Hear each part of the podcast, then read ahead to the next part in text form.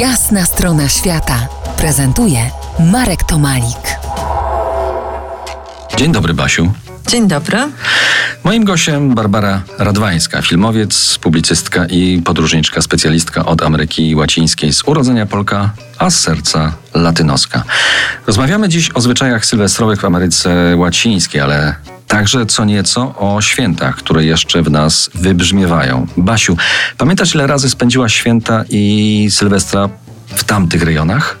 No oj, sporo tego będzie. Dokładnie to nie liczyłam, ale na pewno kilka razy w Argentynie, kilka razy na Kubie, raz w Panamie, w Kolumbii, w Brazylii i tak za dwa, trzy razy w Hiszpanii. E, poza tym zaliczyłam też Sylwestra w Londynie i Wiedniu, no ale dzisiaj nie o tym rozmawiamy, tylko o Ameryce Łacińskiej. I jeszcze kilka razy uczestniczyłam w obchodach karnawału w Brazylii, Urugwaju i Ekwadorze. A w te święta byłaś i Sylwestra będziesz w Polsce? Nie żal ci obchodów z latynosami? E, trochę żal, ale też nie do końca, bo co roku moja przyjaciółka Delia z Meksyku organizuje w Krakowie tak zwane posadas, e, w których tłumnie uczestniczymy wraz z innymi przyjaciółmi z krajów latynoskich, którzy mieszkają w Krakowie. A co to są posadas? To jest takie połączenie coś pomiędzy naszą szopką, kolendą a jasełkami.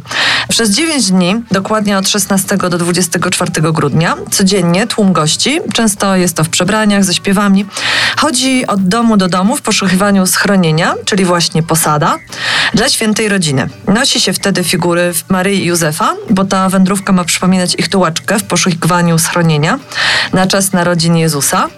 E, I te 9 dni ma symbolizować 9 miesięcy ciąży Maryi. I według tradycji gospodarze mogą dwa razy odmówić, ale już za trzecim razem mają wpuścić i zaczyna się wtedy wspólna biesiada, czyli fiesta. Czyli my mamy nasze przedświąteczne śledziki, opłatki i tak dalej, a Meksykanie mają swoje posadas. Ale zakończeniem posadas, to wiem, jest rozbicie piniaty. To może wytłumacz nam też, co to jest ta piniata. E, piniata to jest taka kolorowa forma z papieru, w której w środku są cukierki. Potem dzieci rozwalają kijem i jak już ją rozwalą, to wysypują się te cukierki na gromadę dzieciaków. Także już wiesz, dlaczego dzieci bardzo kochają piniatę. Tak, tak.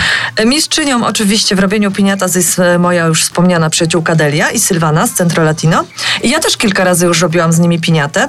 Nawet udało się nam zrobić piniatę w kształcie ananasa, bo najczęściej piniaty są w kształcie gwiazdy, ale mogą też być, e, przedstawiać bohaterów bajek. I przed świętami w Meksyku na głównym placu wieszają też olbrzymią piniatę. A powiedz, a co z choinką? Są tam choinki?